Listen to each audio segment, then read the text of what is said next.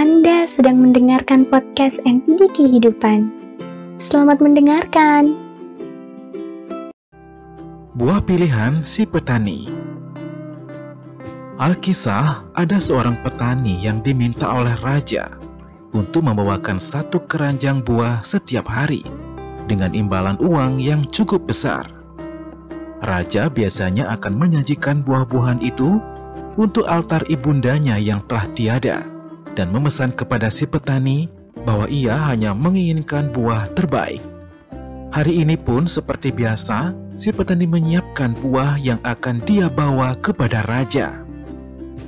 Dia melihat beberapa buah telah cukup matang. Ada jeruk, apel, buah naga, nanas, dan anggur. Dia berpikir buah apa yang akan dia bawa hari ini untuk raja.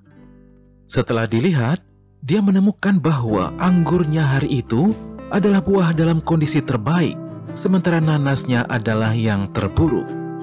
Hatinya menjadi bimbang.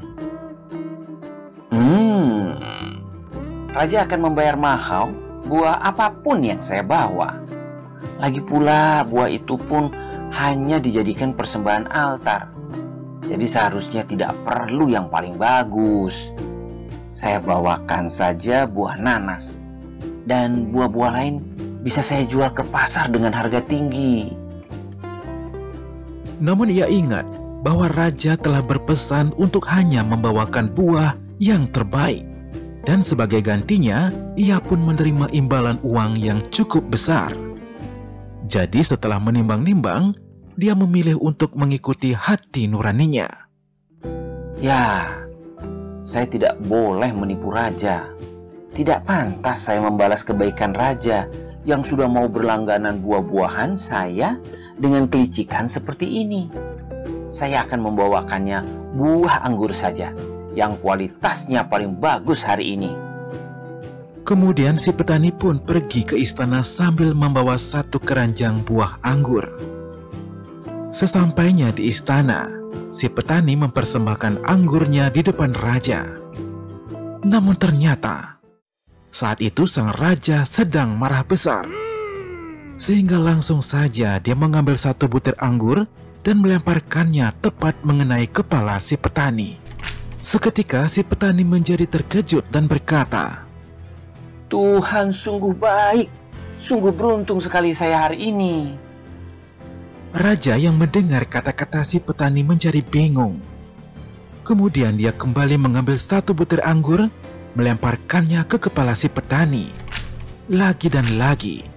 Namun tetap saja si petani mengucap syukur. Setelah kemarahan raja reda, ia pun bertanya pada si petani. Hai petani, mengapa kamu tetap mengucap syukur walaupun saya terus melemparmu dengan buah anggur ini? Oh, Paduka, ketahuilah, sebenarnya hari ini ada bermacam-macam buah yang sudah matang. Awalnya, karena ketamakan hati saya, saya berencana membawakan buah nanas yang kurang baik kualitasnya. Namun untunglah hati nurani saya menolak. Hingga akhirnya saya mengurungkan niat itu dan justru membawakan buah anggur yang kualitasnya paling baik. Bisa Paduka bayangkan, apa jadinya jika Paduka melemparkan buah nanas yang kulitnya keras dan berduri itu ke kepala saya?